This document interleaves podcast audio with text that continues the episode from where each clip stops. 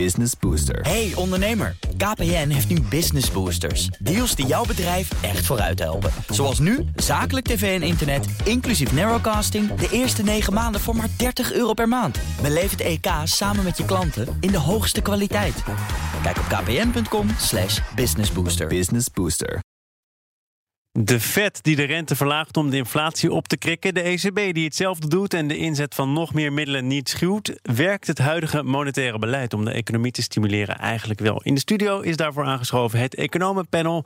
Bestaande uit Han de Jong, hoofdeconoom bij ABN AMRO. Edin Mujadjic, hoofdeconoom OHV Vermogensbeheer. En Casper de Vries, hoogleraar monetaire economie aan de Erasmus School of Economics. Mijn zakenpartner is Marja Ruigrok, wethouder economie en innovatie in Haarlemmermeer. Welkom allen.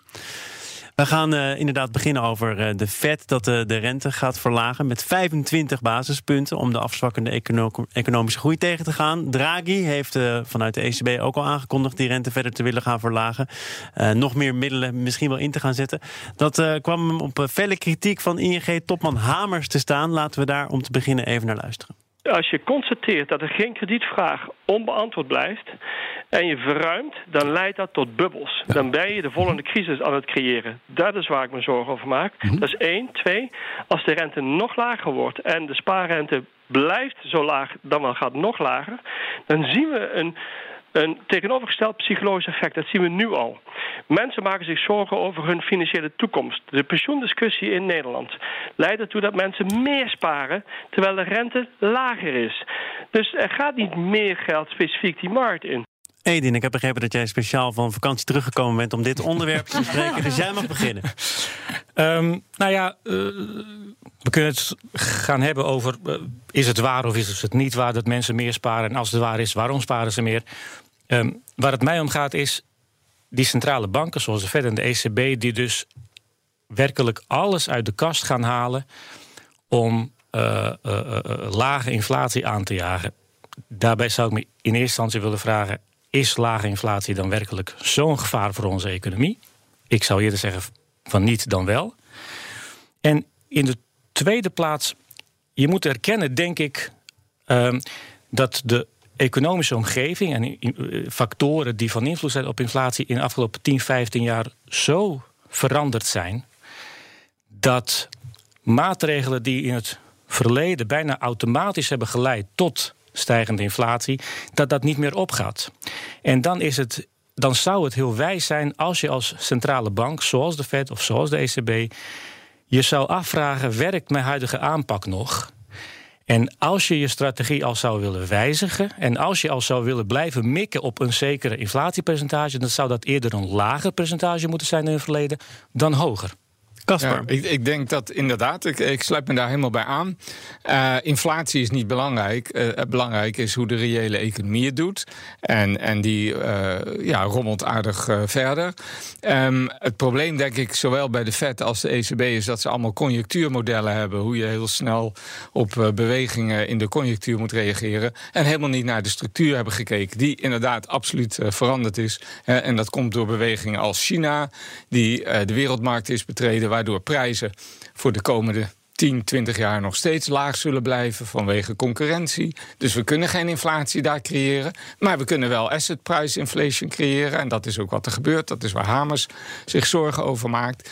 Dus de ECB en, en eh, de Fed die zouden veel meer naar de veranderde structuur moeten kijken en naar de lange termijn. En, en dat is het grote probleem volgens mij. Ja, ik vind dat jullie wel gemakkelijk de ECB en de, en de Fed in, in één adem noemen. Ik vind dat er wel een groot verschil is. De, de, de Fed is met dat kwantitatieve verruiming begonnen al eind 2008, begin 2009. Die zijn in 2014 opgehouden. De ECB is pas in 2015 begonnen. Sterker nog, die hebben eerst in 2008 nog een keer de rente verhoogd, toen in 2011 nog twee keer. um, de Federal Reserve is vanaf 2015 bezig geweest om de rente te verhogen. Dus die hebben geprobeerd om. Die hebben heel snel gereageerd op de crisis. En die hebben geprobeerd om weer naar een normaler niveau toe te komen. Um, de ECB niet. Ik ben het wel eens met wat, natuurlijk, wat jullie onderling ook, uh, onderliggend ook zeggen. De vraag is of dat extreem agressieve beleid van de, zeker van de ECB, of dat nou werkelijk gerechtvaardigd was. Maar, maar de Fed die, die reageert eigenlijk in feite op de, de, de zet van Trump. van eh, ze proberen de conjunctuur te stimuleren. En dat moeten ze helemaal niet proberen. Zeg jij dat er een directe relatie tussen wat Trump wil en wat de Fed doet? Want uh, uh, eigenlijk wel, dat staat ook in, je, in, de, in, in, het FD. Maar het probleem is. Dan is het zo. Op, dit moment is het helemaal niet van pas dat de centrale banken de conjunctuur stimuleren. En als er al iets moet, gedaan moet worden, dan moet dat via fiscaal budgetair beleid. Maar je bent. Dus we gebruiken ook volledig het verkeerde instrument. Op het moment dat je werkelijk alles uit de kast haalt, ook dingen waarvan we tien jaar geleden hadden gedacht van nou, dat is zo onconventioneel, moet je nooit doen. En dat jaagt de inflatie niet op.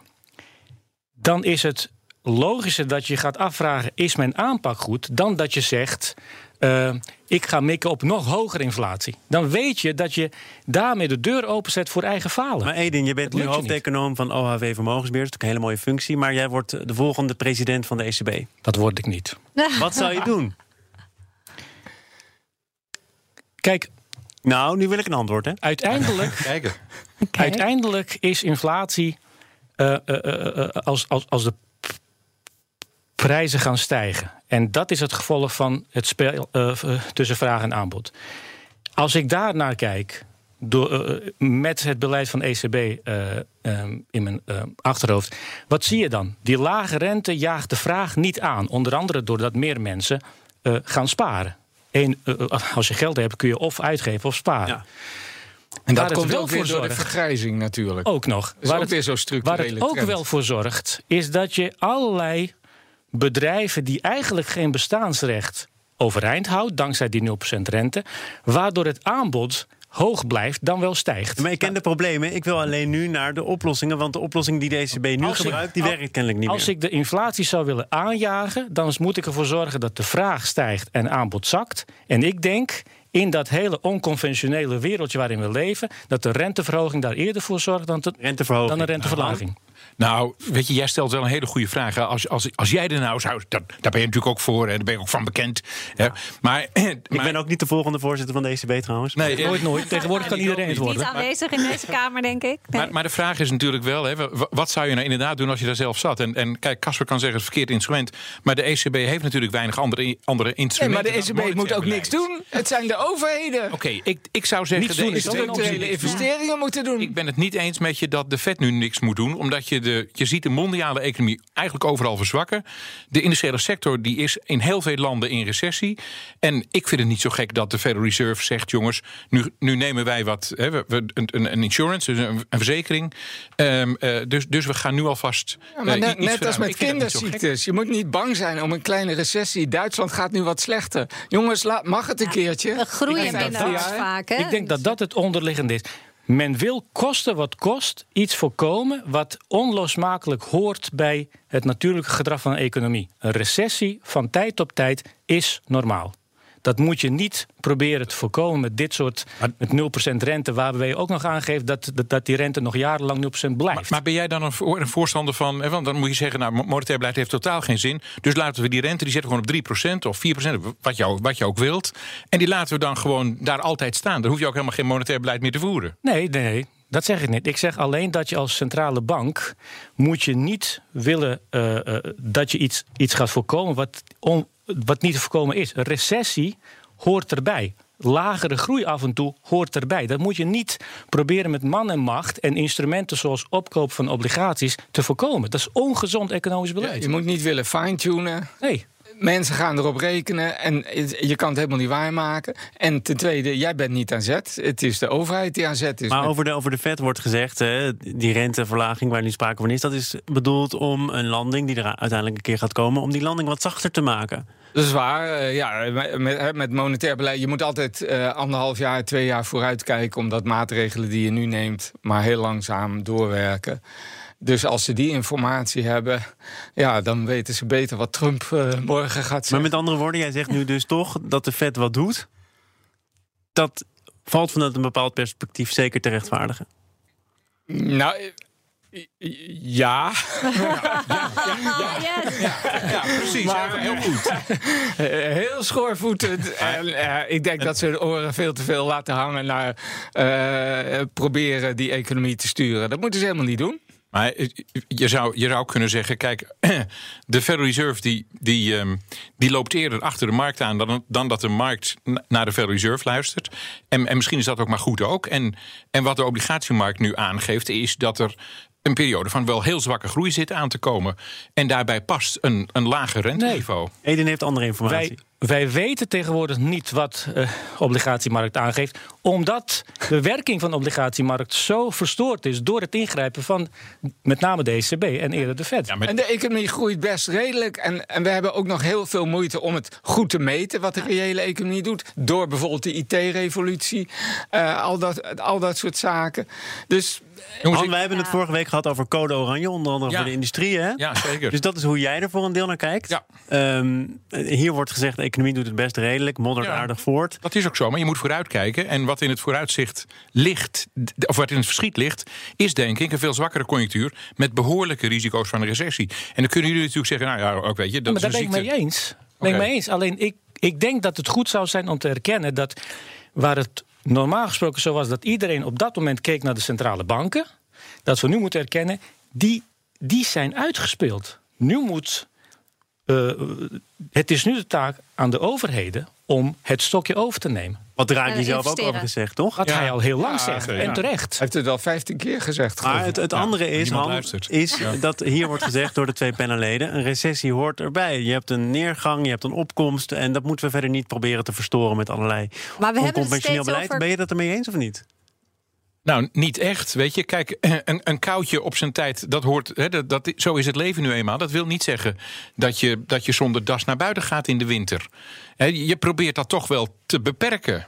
Dus, en je wilt ook zeker geen diepe recessies. Diepe recessies die zijn heel kostbaar in termen van, van, van banen, van inkomen, van, van zekerheid in het leven voor heel veel mensen. Dus ik vind het wel de moeite waard om te proberen recessies uit te stellen en recessies ondiep te houden. Kijk, monetair beleid is bij uitstek geschikt op het moment dat er recessie is. Dan moet je dat eh, monetaire instrument gebruiken. En niet om, om de economie die redelijk draait uh, verder uh, te fine-tunen. Daar zijn, daar, zijn die banken niet voor. En dus zowel de Fed, Powell als, als Draghi zijn angsthazen die gegijzeld zijn door de politiek. Ik kan het niet anders zien. Zijn ze gegijzeld door de politiek of door de financiële markt? Hè? Want de Fed was met kerst 2018 nog van plan om de rente te verhogen. De vet is misschien iets, uh, maar ja, nee, de, de, uh, iets uh, minder in, in die tang. maar nu lijken ze toch ook te zijn gezwicht. Goed, ik zwicht ook eventjes voor de reclame. Daarna praten we verder over Trump en Xi en extra heffingen, want die lijken er weer aan te komen. Te gast is nog altijd het uh, economenpanel bestaande uit Han de Jong, hoofdeconoom bij ABN AMRO, Edin Mujadjic, hoofdeconoom bij OHV Vermogensbeheer en Casper de Vries, hoogleraar monetaire economie aan de Erasmus School of Economics. Mijn zakenpartner is nog altijd Marja Ruigrok. En wij praten over uh, de oplopende spanningen nog altijd tussen de Verenigde Staten en China, want van een staakt het vuren of een uitgestoken hand lijkt al lang geen sprake meer. Trump gaat namelijk op nog eens 300 miljard aan goederen uit China een extra heffing van 10% leggen. Voor de mensen die het de afgelopen dagen niet gevolgd hebben, Han, waarom doet hij dit? Om de Chinezen verder onder druk te zetten. Die onderhandelingen gaan kennelijk niet, eh, niet snel genoeg uh, naar zijn zin. En uh, hij denkt dat, dat dit soort bullying dat dat uh, effectief zal zijn. En jij denkt? Nou, ik denk dat dat totaal niet effectief is, omdat ik denk dat de, de Chinezen. Dat is een ander soort mentaliteit. Ten eerste zijn die van de lange adem. Ten tweede gaan die natuurlijk nooit uh, uh, met iets instemmen waardoor ze gezichtsverlies lijden. Uh, en, en, je hebt dus ook al direct gezien dat ze. Ze hebben hun munt meteen ook laten verzwakken. Ehm, en, ze, en ze geven aan dat ze niet meer, maar minder agrarische producten uit de VS gaan, gaan importeren. Dus, dus je krijgt een soort tit voor tat. Um, die, um, die, die buitengewoon schadelijk kan zijn. Ja, dus de handelsoorlog verkeert nu in een uh, valutaoorlog in feite. Maar je vraagt je ook af: heeft de Amerikaanse president überhaupt een optie om ermee te stoppen, zelfs als hij dat zou willen? Kijk, um, over iets meer dan een jaar gaan Amerikanen weer stemmen. Hij hoopt natuurlijk herkozen te worden. op het moment dat u nu ineens dingen weg zou geven aan China, dan, dan, dan is het wachten dat democraten hem aanvallen van je bent toch soft.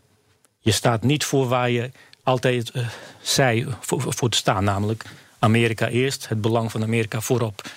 Ehm, en bovendien, als er één terrein is waar Democraten en Republikeinen het wel over eens zijn, dan is het dat China hard aangepakt moet worden. Dus op het moment dat hij dit soort beleid voert, weet hij ook zeker: Democraten kunnen mij niet aanvallen, want zij vinden het eigenlijk wel goed. Maar weet je, hij kan, hij, kan altijd, hij kan altijd een akkoord wat geen grote overwinning is, kan hij altijd Claimen. claimen als een grote overwinning.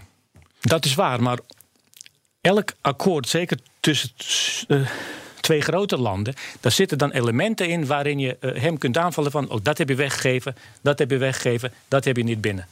Eh, het Maar gevaar. nu haalt hij ook niet het beste binnen voor, eh, voor nee, de maar Amerikanen. hij laat nu in ieder geval zien, het belang van Amerika staat bij mij voorop. En of we het leuk vinden of niet, minstens de helft van de Amerikanen smult daarvan. Ja, maar het resultaat is er niet naar. Het, het belang is, de dollar is duurder geworden.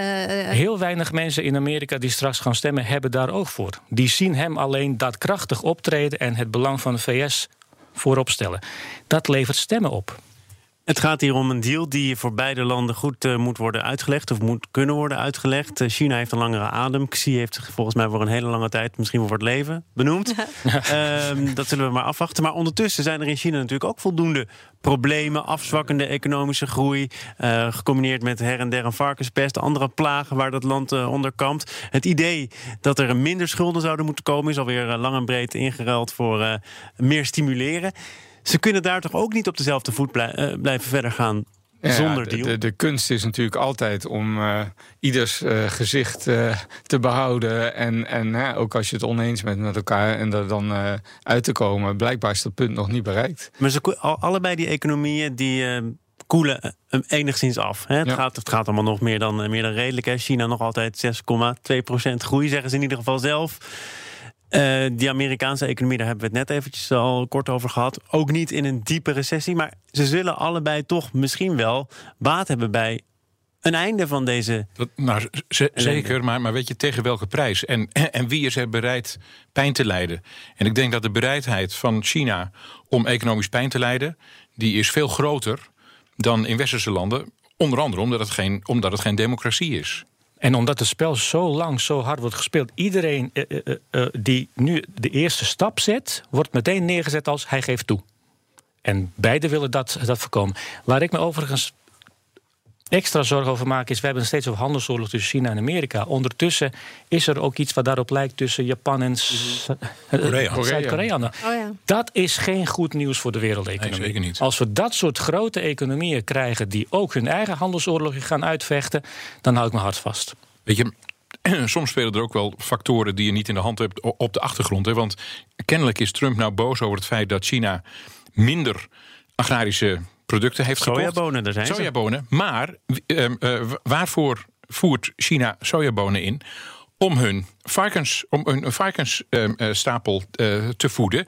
En ze hebben eh, last van de va- varkenspest. Ehm, ehm, ongeveer een derde van alle varkens zijn verdwenen in China. Dus ze hebben minder voedsel nodig. Dus het is op zich voor die Chinezen niet zo gek om te zeggen: nou ja, we hebben, we hebben dat voedsel even niet nodig, dus we importeren minder. En dat dat dan tot zo'n escalatie in dat handelsconflict leidt. Dat, dat, ja, eigenlijk is dat wat je noemt een soort event risk. Ehm, eh, Moeten ze maar varkens gaan importeren vanuit de US? Ik, ik kwam een eh, heel, klein eh, berichtje tegen eh, nog, waarvan ik dacht, ja, is dat nou belangrijk of niet? Maar het handelstekort in de Verenigde Staten, dat wordt wat kleiner. Is dat nou niet in de kern waar het allemaal, vond men, om draaide? Dat was de aanleiding natuurlijk. Oké, aanleiding. Maar goed, het handelstekort wordt wat kleiner. Ik Zou je dan kunnen zeggen, Trump is op een bepaalde weg? Ik ben het helemaal eens met, met eh, mijn collega hier rechts, Han. Eh, het is allemaal verkocht onder het mom. Het gaat om een, het feit dat we handelstekort hebben. Maar het gaat natuurlijk om veel. Het gaat niet over handel. Het gaat om het feit dat Amerika, het dominante land in de wereld, voor het eerst uitgedaagd wordt door een land dat de, de wil heeft die rol over te nemen en het ook kan overnemen. Sovjet-Unie wilde dat, maar was ik hoor in nooit zo die sterk. besprekingen Dus het gaat om heel veel meer. over technologische veranderingen, over eigendomskwesties. Ik hoor veel meer over sojabonen dan over intellectual property. Is dat niet gek? Nou, wij horen niet alles natuurlijk. Jij misschien wel, maar, maar, maar wij niet. Maar ik denk wel dat er wel degelijk wordt ge, onderhandeld ook over, over intellectuele eigendom en hoe je dat moet beschermen. Ehm, toen, toen de boel voor mij onverwacht eh, helemaal eh, schipbreuk leed in, eh, in mei, toen bleek dat een van de, een van, een van de heikele punten te zijn. Ja, ja En toen, over- hebben, toen hebben de Chinezen uiteindelijk nog weer andere voorwaarden gesteld aan een deal. Ja. Oh, overigens, dat het Amerikaanse handelstekort terugloopt, dat. Nou, dat, dat, volgens mij is dat helemaal niet zo. Maar goed, weet je, dat kan best dat in een maand of zo. Maar als je naar de trend kijkt, is dat niet zo. Omdat de Amerikaanse economie harder groeit eigenlijk dan veel andere economieën. En volgens mij en, ehm, is het sinds Trump president is, is het handelstekort eerder toegenomen dan afgenomen. Maar Kom je volgende week weer terug of niet? Dan kunnen we het er nog een keer over hebben. nou, als je me uitnodigt. Oké, ik wil tot slot nog eventjes eh, praten over de nieuwe voorzitter van het eh, IMF, het Internationaal Monetair Fonds. Dat is namelijk de Bulgaarse Kristalina Georgieva. En dus niet Jeroen Dijsselbloem. Ehm, er is vooraf ook al heel veel gesproken over de stemverdeling en over de reputatie van Jeroen Dijsselbloem, met name in Zuid-Europa, Griekenland, de aanpak van de crisis in Griekenland. Heeft dat ervoor gezorgd dat niet hij de nieuwe voorzitter van het IMF is, Edin? Ik zou het absoluut niet weten. Ik, ik denk wel dat het, dat het hem in ieder geval eh, eh, niet geholpen heeft.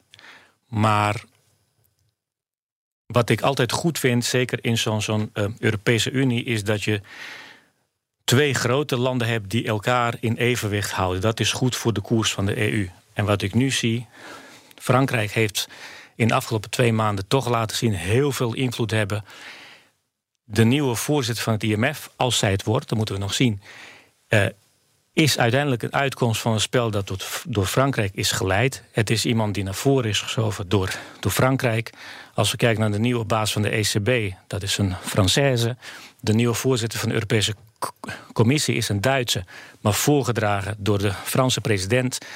Maar goed, Ehm, dat is gewoon een, een, een Duitse kandidaat van de partij van Merkel. Nee, eh, eh, als zij Nou, haar toch wel.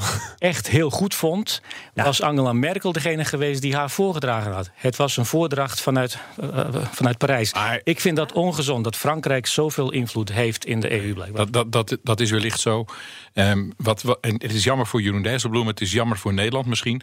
Wat ik wel heel erg leuk vind aan deze benoeming is dat het iemand uit een land als Bulgarije is. En dat, dat is voor, de, voor de ontwikkeling van, van zo'n land en ook voor de ontwikkeling van de reputatie van zo'n land, denk ik, eh, belangrijk en, en, en nuttig. Maar het allerbelangrijkste is dat daar iemand zit die goed tegenspel kan leveren en mee kan denken en tegen kan denken tegenover de ho- hoofdeconoom die een Amerikaan is. En eh, daarom kan je bij beide kandidaten toch wel vraag, vraagtekens zetten. Eh, de, de Fed is bezig met het ontwerpen van een waarom andere waarom zeg je dat zo makkelijk? Je vindt, je vindt geen van die kandidaten overtuigend genoeg om het op te Nou, dan nemen moet je toch wel heel erg thuis zijn in monetair beleid en ook eh, eh, crisisbeleid. Nou goed, oké. Daarvan dus- zou je kunnen zeggen, Jeroen dat Jeroen hoe heeft, dat heeft moet. daar wel. Maar daar wel in ieder geval is dat heel belangrijk. Hè? Je, moet, je moet thuis zijn in de modellen. Je moet ook thuis zijn in hoe je die ingrepen doet. Als we terugdenken, kijk, Witteveen, hè, die hebben wij gehad daar. En die is zelf met het intellectuele plan gekomen om die oliedollars te recyclen. Zo iemand moet je hebben. En je moet niet iemand hebben die op de tent past en een goede, goede beheerder is. Maar ken je de achtergrond van die Bulgaarse mevrouw voldoende om dat te Enigszins. Maar goed, Ja? dus ik ik niet zou. hoor. Nee, maar ik zeg, ik zeg dus eigenlijk niets over de kandidaat. Ik zeg alleen wat de eisen zijn aan zo iemand. En, en het IMF moet een nieuwe strategie verzinnen. De Fed die is daarmee bezig. En de ECB moet er nog aan beginnen. Dat zijn de belangrijke stappen die gezet moeten worden. En het schijnt dat vanaf 1 november ene Mario op zoek gaat naar een nieuwe baan. Het is gezegd. We gaan het in de gaten houden. Dankjewel. Edin Mujadjic, hoofdeconoom bij OHV Vermogensbeheer. Han de Jong, hoofdeconoom bij ABN AMRO. En Casper de Vries, hoogleraar monetaire economie aan de Erasmus School of Economics. Mijn zakenpartner was Marja Ruigrok, wethouder economie en innovatie in Haarlemmermeer. Dank. Ja, Tot de volgende gedaan. keer ook weer. Dan weer. Dit was het voor vandaag. Business Booster. Hey ondernemer, KPN heeft nu Business Boosters. Deals die jouw bedrijf echt vooruit helpen. Zoals nu, zakelijk tv en internet, inclusief narrowcasting... de eerste 9 maanden voor maar 30 euro per maand. Beleef het EK samen met je klanten in de hoogste kwaliteit. Kijk op kpn.com slash businessbooster. Business Booster.